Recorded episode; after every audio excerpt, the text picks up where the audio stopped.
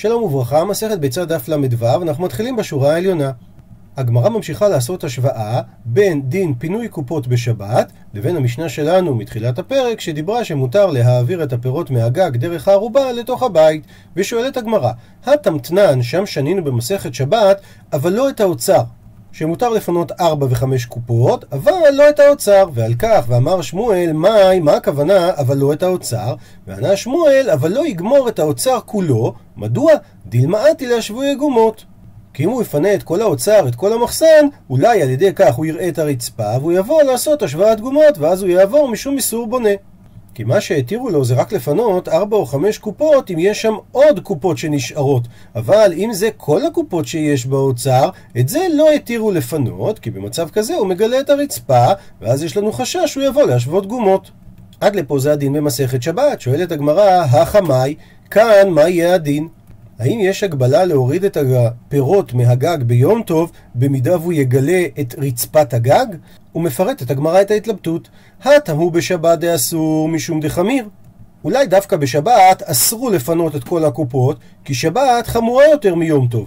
שמי שעושה מלאכה בשבת הוא יהיה חייב במזיד סקילה או כרת, תלוי אם היה עדים והתראה או לא, ובשוגג הוא יהיה חייב קורבן חטאת. לעומת זאת, אבל יום טוב דקיל, אבל יום טוב שחומרתו קלה יותר, שהרי מי שעשה מלאכה במזיד ביום טוב יהיה חייב מלקות, ואם הוא עשה את זה בשוגג הוא לא יהיה חייב קורבן, אז אולי שפיר דמי.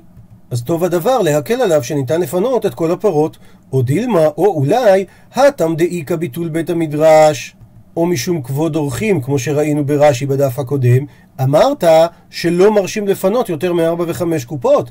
אז הכה ביום טוב, שיש לנו פירות על הגג, דלקה ביטול בית המדרש, ואין לנו גם את הבעיה של האורחים, לא כל שכן. שנאסור לפנות את כל הפירות עד כדי כך שיראו את רצפת הגג, שהרי כל הבעיה ביום טוב זה רק הפסד כספי.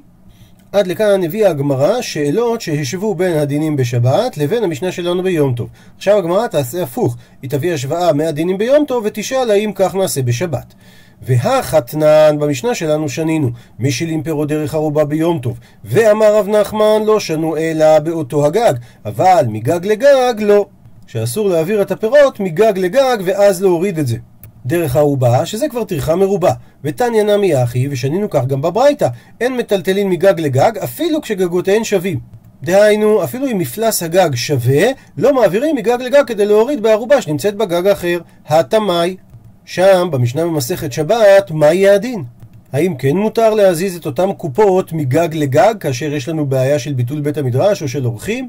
האם הכה הוא דאסור, דווקא כאן ביום טוב אמרנו שאסור משום יום טוב דקיל, שהרי יום טוב הוא יותר קל כמו שהסברנו, וזה יכול לגרום ואתי לזלזולי בי, שאנשים יבואו לזלזל ביום טוב. אבל שבת דחמירה, כמו שהסברנו, שבת יותר חמורה מיום טוב, ולכן גם אם נתיר לאנשים להעביר את אותן קופות מגג לגג ולא אתו לזלזולי בה, זה לא יגרום להם לזלזל בשבת. אז אולי שפיר דמי, אכן נתיר להם, או דילמה, או אולי, מה הכא דאיכא הפסד פירות, אמרת לא, מה ביום טוב שיש לך הפסד ממוני על הפירות, בכל זאת אמרת שלא מעבירים אותם מגג לגג, אז הטם לגבי שבת, דליקא הפסד פירות, אז לא כל שכן שאסור יהיה להעביר אותם מגג לגג.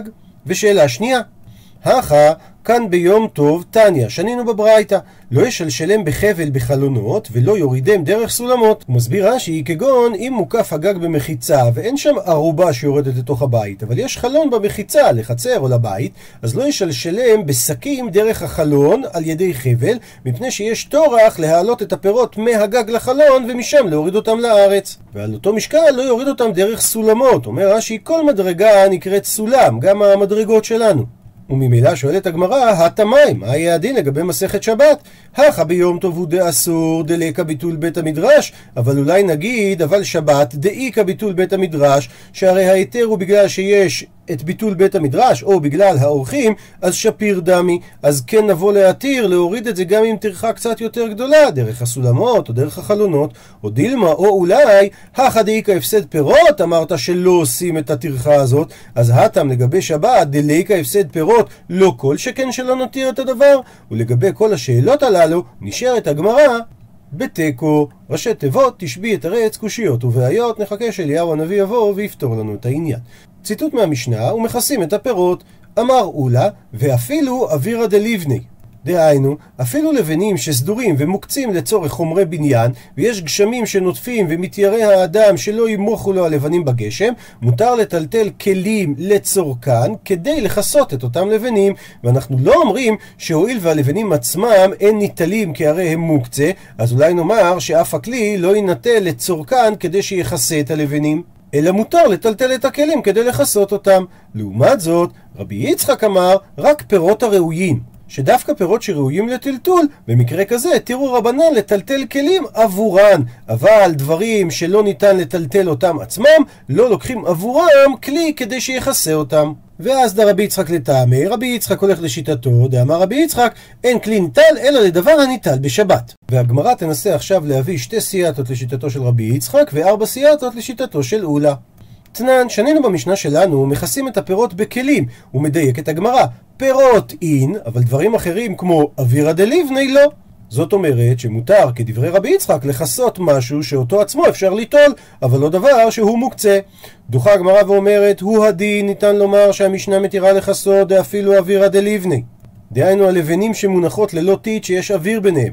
ואיידא דתנא רישא, ואגב זה ששנינו בהתחלה של המשנה את המילים משילים פירות, אז תנא סיפא, אז גם בסיפא המשיכה המשנה עם אותה לשון, נמי ואמרה גם מכסים את הפירות. מסביר רש"י שבתחילת המשנה נקטנו דווקא את עניין הפירות, כי המשנה הייתה צריכה לדבר על דברים שראוי לטלטל אותם. כי הרי הוא מטלטל אותם עצמם ומוריד אותם מהגג. ולכן לעניין כיסוי הפירות הוא המשיך עם אותה דוגמה, אבל הסיפא של המשנה היא לאו דווקא, ולכן ניתן לומר שאותו הדין לגבי לבנים. שואלת הגמרא שאלה שנייה לתמוך בשיטתו של רבי יצחק, תנן, הרי שנינו במשנה שלנו וכן כדי יין וכן כדי שמן. והרי המשנה משמיעה לנו עכשיו דברים שהיא לא דיברה עליהם קודם, אז אם כך, לפי שיטתו של אולה היה צריך להשמיע לנו לבנים, ואני הייתי מבין שגם כדי יין וכדי שמן הדין יהיה אותו דבר, אז למה יש שנייה המשנה דווקא את כדי יין וכדי שמן? לכאורה, כי רוצה להגיד כמו רבי יצחק, שאין כלי ניטל אלא לדבר הניטל בשבת. דוחה הגמרא את ההוכחה ואומרת, אחא במאי עסקינן, כאן במה מדובר? בכדי יין וכדי שמן, בטיבלה. שהכדים הללו הם תוצרת של תבל, דהיינו שלא הפרישו מהם תרומות ומעשרות, ובמצב כזה הם אסורים בטלטול. אז ברישא של המשנה שמענו לגבי פירות שראויים לטלטול, ועכשיו נקטה המשנה גם דברים שלא ראויים לטלטול. ואומרת הגמרא, אחי נמי מסתברא, גם כך מסתבר להסביר. דאי סלקא דעתך, כי אם עולה על דעתך לומר שכדי יין וכדי שמן שהמשנה מדברת עליהם דהתרא, דהיינו שהם לא תבל, אלא הם מותרים בטלטול, התנא לרישא פירות, הרי כבר שנתה המשנה בתחילתה את דין הפירות שמותר לטלטל אותם, אז למה היא חוזרת ומדברת שוב פעם על דבר שצריך לטלטל אותו? אלא כנראה מסתבר לומר שהיא מדברת על כדי יין וכדי שמן של תבל. דוחה הגמרא את ההוכחה ואומרת, כדי יין וכדי שמן איצטריך עלי. כן היה צריך להשמיע לנו, אפילו שמדובר על כדי יין וכדי שמן של היתר. למה? סל כדעתך אמינא. היה עולה על דעתך לומר, להפסד מרובה חששו, להפסד מועט לא חששו. כמה השמלן. באה המשנה להשמיע לנו, שגם להפסד מועט חששו. הוא מסביר רש"י שהרי גשמים שנוטפים על יין זה הפסד מועט, כי הרי עד שתחשך, דהיינו תצא השבת, הוא יכול לסלק את הקדים, אבל פירות, ברגע שהם יירטבו, הם יתחילו תהליך של ריקבון. אז אולי ההיתר של המשנה היה רק במקום של הפסד מרובה ולא במקום של הפסד מועט. ולכן ניתן להסביר במשנה שלא כמו ההסבר של לולה שאנחנו כן מדברים פה בחביות של היתר. ובכל זאת יש בדבר חידוש שמדובר אפילו בשביל הפסד מועט שמותר לכסות אותם ועכשיו הגמרא הולכת להביא ארבע ניסיונות להוכיח לשיטת אולה. תנן. שנינו בדין האחרון במשנה שלנו, שנותנים כלי תחת הדלף בשבת. וההוכחה מזה, הרי שכלי ניתן לקבל בו מוקצה, שהרי הדלף הזה זה מים מלוכלכים שנוזלים מהגג, והם לא ראויים לשום דבר. ואמרה המשנה שמותר לקחת את הכלי כדי שהדלף הזה ייפול לתוכו. זאת אומרת שמותר לטלטל משהו גם עבור משהו שהוא עצמו לא ניתן לטלטול. דוחה הגמרא בדלף הראוי. ניתן להסביר שהמים האלה הם מים צלולים וראויים לבהמה, ולכן אתה מטלטל את הכלי לדבר שראוי לטלטול בפני עצמו. בסוגריים נעיר שהגמרא בעירובין אומרת שאין בעיה של נולד במי גשמים, סגור סוגריים. ממשיכה הגמרא תשמע בושמע הוכחה לשיטתו של אולה. שככה אומרת הברייתא במסכת שבת, פורסים מחצלת על גבי לבנים בשבת. הוא מסביר רש"י שעבור הבניין צריך לבנים יבשות, כי כאשר הן רטובות צריך לחזור ולנגבם, כי הם לא יקבלו את הטיט בצורה יפה, ובאופן כזה זה יעכב את הבנייה. וזוהי הוכחה לשיטתו של לולה, שהרי לבנים הם מוקצה, ובכל זאת פורסים את המחצלת עבורם. עונה הגמרא, דאי יתור מבניינה, דחזי למזגה עליו. הלבנים האלה נשארו מלבני הבניין, והן כבר לא עומדות לבניין, אז הן לא מוקצה, למה הן כן ראויות? להישען עליהם. ומביאה הגמרא תשמע, עוד ניסיון הוכחה לשיטתו של אולה. שכך אומרת הברייתא, היא מאוד דומה לברייתא הקודמת, היא אומרת פורסים מחצלת על גבי אבנים בשבת. ושוב אותו הסבר כמו שרש"י אמר קודם, אם האבנים הן לא יבשות זה יעכב את הבנייה, ושוב אנחנו רואים כשיטתו של אולה שמותר לפרוס את המחצלת עבור דבר שהוא מוקצה בשבת. עונה הגמרא לא מדובר פה באבנים לבניין, אלא באבנים מקורזלות, דחזיין לבית הכיסא. לא היה להם נייר טואלט לשירותים, הם היו משתמשים באבנים מקורזלות, שהשפה שלהם הייתה חדה בצד אחד, ובאופן הזה הם היו מקנחים בבית הכיסא, וממילא האבנים הללו הם לא מוקצה, ולכן גם לשיטתו של רבי יצחק פורסים את המחצלת עליהם בשבת. מביאה הגמרא תשמע עוד ניסיון הוכחה לשיטתו של אולה. פורסים מחצלת על גבי כוורת דבורים בשבת, בחמה מפני החמה ובגשמים מפני הגשמים, ובלבד שלא יתכוון לצוד. ולכאורה יש פה הוכחה לשיטתו של לולה, שהרי מותר לפרוס את המחצלת על כוורת הדבורים, שהדבורים והכוורת הם ודאי מוקצה בשבת. דוחה הגמרא ואומרת, התמנמי, גם כאן מדובר, דאי כדבש. והדבש הזה הוא אמור להיות לשימושם של בני אדם, ולכן הוא לא מוקצה. שואל על כך, אמר לרב עוקבא מהעיר ממישן לרב אשי, התנח, התשובה שלך היא יכולה להתקבל בימות החמה. דהי כדבש, שבאמת בימות החמה יש דבש, אבל בימות הגשמים, שהדבורים לא מייצרות דבש, מה איכא למימר? איך תתרץ את הברייתא לפי שיטתו של רבי יצחק? עונה על כך הגמרא, לא נצרכה אלא לאותן שתי חלות. מסביר רש"י, יש שתי חלות של צפיחית שמניחים אותן בכוורת כשמוציאים את כל שאר חלות הדבש, ומהם פרנסה לדבורים כל ימות הגשמים, אז את אותם שתי חלות מותר לכסות. מסביר לנו רש"י שכל דבש הכוורת עשוי עליות עליות של חלות. וההסבר של רש"י הוא נכון גם לגבי כוורות מודרניות וגם לגבי כוורות עתיקות. כוורות עתיקות שנמצאו מתקופת בית ראשון, כמו הכוורות בכפרים ערביים מסורתיים, שיש שם כוורות עגולות, ובתוכם הדבורים בונים את החלות.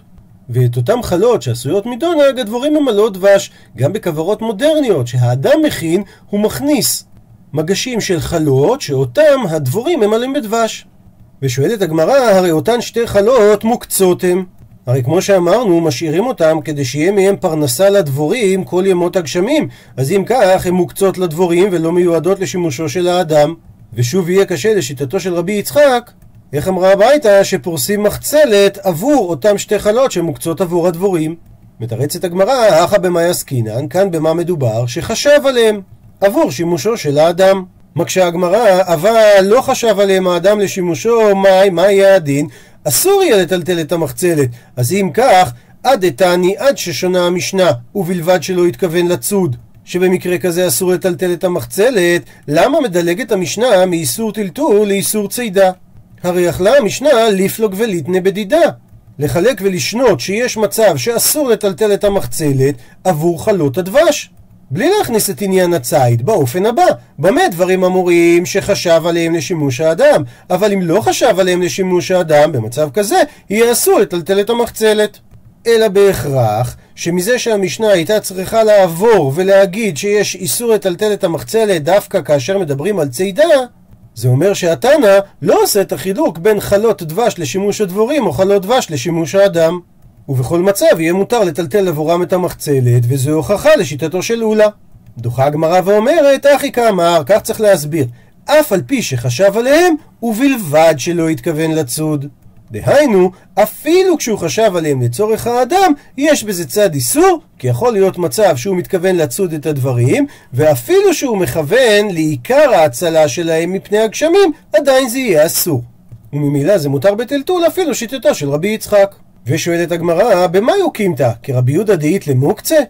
במה העמדת את הברייתא? הרי יכלת לענות שהברייתא היא לשיטתו של רבי שמעון שאין מוקצה לשיטתו, וממילא ניתן לטלטל את המחצלת ולא משנה מה יש בתוך הכוורת.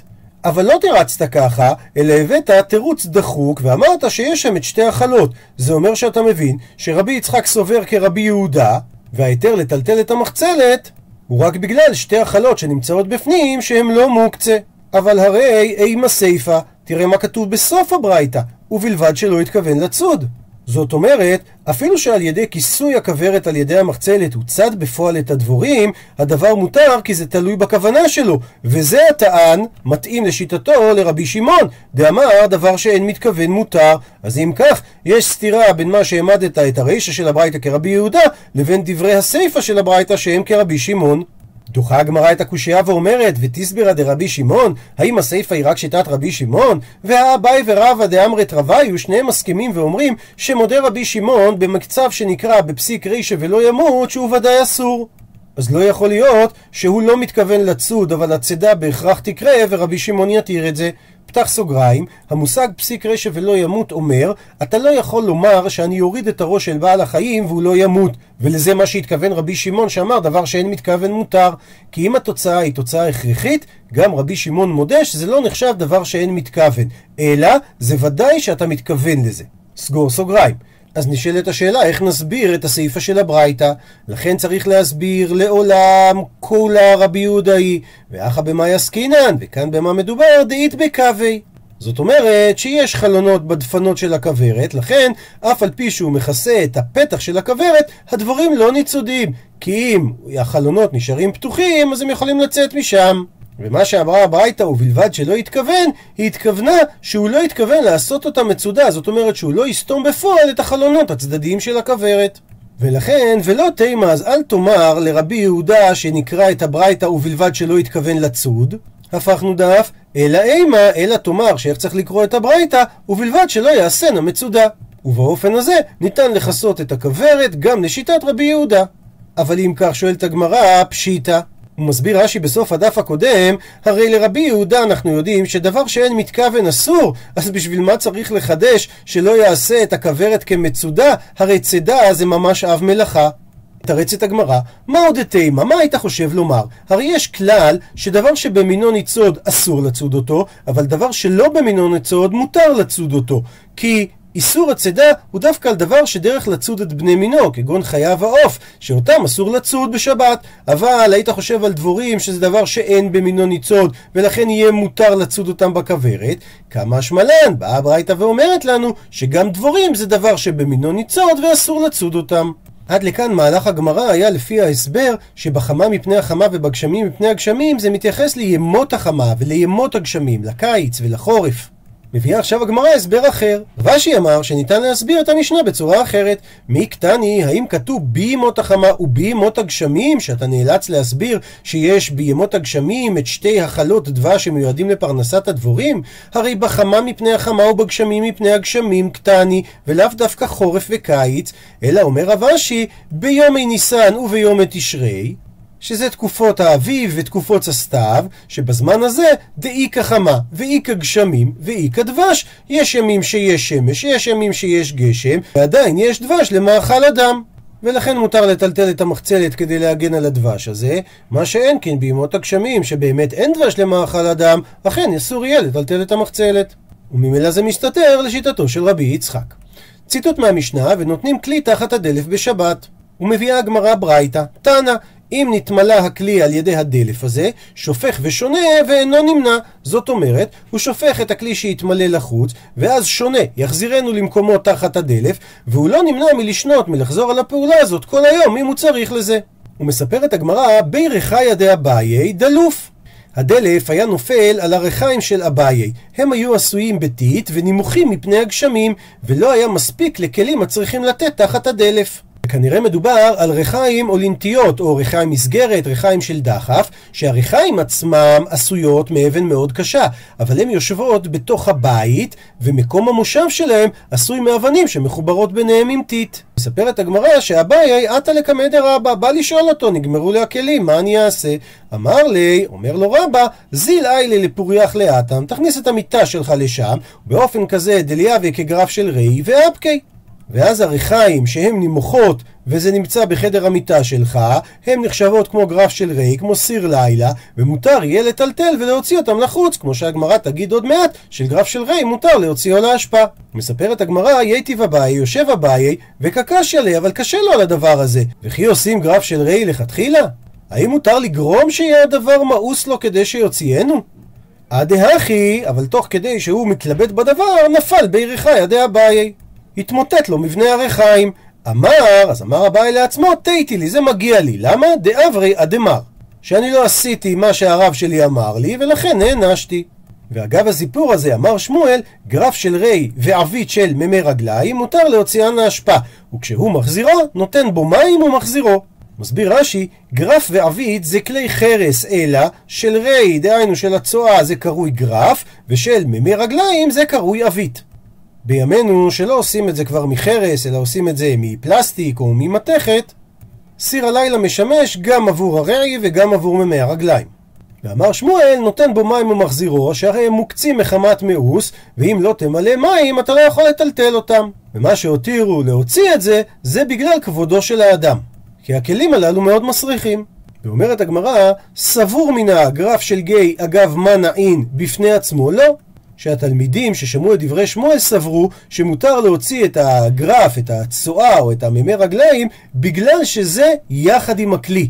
אבל אם זה היה בפני עצמו, זאת אומרת, ליטול את הרעי או דבר מאוס ממש בידו ולהוציא, זה לא מותר. וכנגד ההבנה הזאת אומרת הגמרא תשמע. בוא שמע סיפור שיוכיח לך אחרת. דהו עכברתא דאישתכח באספרמה כדרבשי, אותו עכבר שמצאו אותו בקופסת הבשמים של רבשי, והעכבר נחשב דבר מאוס, אמר לאור רבשי, נקית בצוציתא והפקוע. תוציאו את העכבר הזה בזנב שלו, ואם כך, לא צריך להוציא אותו על ידי כלי, אלא מותר לקחת אותו גם בפני עצמו. ואומרת המשנה, כל שחייבים עליו משום שבות, משום רשות, משום מצווה בשבת, חייבים עליו ביום טוב. מסביר רש"י, כל דבר שמדברי סופרים חייבים עליו, הכוונה שלא לעשותו בשבת משום איסור דה רבנן, שנקרא שבות, או משום רשות, זאת אומרת יש בו קצת מצווה, אבל לא מצווה גדולה, וקרוב הדבר להיות דבר הרשות, ויש בו איסור מדברי סופרים, או דבר שהוא אסור משום מצווה, יש בו מצווה ממש, בכל זאת אסרו חכמים לעשות אותו בשבת, אז חייבים עליו ביום טוב, הכוונה אסור לעשות אותו ביום טוב. הוא מפרט את המשנה. ואלו הם משום שבות, לא עולים באילן, ולא רוכבים על גבי בהמה, ולא שתין על פני המים, ולא מטפחין, ולא מספקים, ולא מרקדים. ואלו הם משום רשות, לא דנים ולא מקדשים, ולא חולצים, ולא מייבמים. ואלו הם משום מצווה, לא מקדישין, ולא מעריכין, ולא מחרימין, ולא מגביהין תרומה ומעשר. הוא מסיים את המשנה, כל אלו ביום טוב אמרו שהם אסורים, אז קל וחומר בשבת שהם יהיו אסורים. אין בין יום טוב לשבת, ההבדל ביניהם, אלא אוכל נפש בלבד. והגמרא בהמשך תסביר את כל הדברים. אומרת הגמרא, לא עולים באילן, מדוע? גזירה שמא יתלוש. ואם הוא יכוון בזמן העלייה שלו באילן לתלוש ענפים, הרי יש בדבר הזה איסור הדאורייתא של קוצר שתולש מן המחובר. ולא רוכבים על גבי בהמה, מדוע? גזירה שמא יצא חוץ לתחום. מסביר רש"י שמתוך שאינו מהלך ברגליו, הוא לא רואה את סימני התחומים, ואז יש חשש שהוא יצא מחוץ לאלפיים אמה בשבת. אומרת הגמרא, שמע מינה, אז ניתן להסיק מזה שתחומין דאורייתא? שהרי אם גזרו לא לרכב על בהמה מהחשש שהוא יצא מהתחום, זה אומר שהתחום הוא דאורייתא, שהרי אם איסור תחומין היה מדרבנן, חכמים לא היו גוזרים על דבר אחד בגלל דבר אחר שכל האיסור שלו הוא מדרבנן. לכן אומרת הגמרא, אלא הגזרה היא שמא יחתוך זמורה. כדי לדרבן את הבהמה, ושוב פעם, כמו בעניין הראשון שלא עולים באילן, זה יהיה קוצר מן המחובר, שזה איסור דאורייתא. ואמרה המשנה, ולא שתין על פני המים. מסבירה הגמרא, גזרה שמא יעשה חבית של שייטין. שאם יהיה מותר לשוט, אז הוא יעשה כלי של גומה שהורגים אותו ועושים אותו כמין חבית ארוכה, ואז לומדים בו לשוט. ואם הוא יעשה את הדבר הזה, הוא יעבור על מספר מלאכות דאורייתא. ציטוט מהמשנה, ולא מטפחין ולא מספקין ולא מרקדין, ורש"י הסביר, מטפחים זה למחוא כפיים ביד, מספקין זה עושים קול עם היד על הירך, ומרקדין זה לרקוד ברגל. והטעם שזה אסור, גזירה שמא יתקן כלי שיר. אז הוא יעבור על עשיית כלי בשבת. ציטוט מהמשנה, ואלו הן משום רשות, הראשון לא דנים. שואלת הגמרא, והמצווה כאביד. הרי לדון דין זה מצווה, שהרי כתוב בתורה ושפטו את העם משפט צדק, אז למה המשנה קוראת לזה רשות ולא חלק מהרשימה של דברי המצווה? עונה הגמרא, לא צריכה דאיכא דעדיף מיני. מדובר שיש דיין באותה העיר שהוא יותר טוב ממנו, ולכן המצווה לדון מוטלת על השני ולא עליו, ולכן לגביו זה נקרא רשות. ציטוט מהמשנה, ולא מקדשין, שואלת הגמרא, והמצווה כאביד. שהרי מי שנושא אישה עבור פריאה ורבייה זה מצווה, למה העמדנו את זה ברשימת דברי הרשות?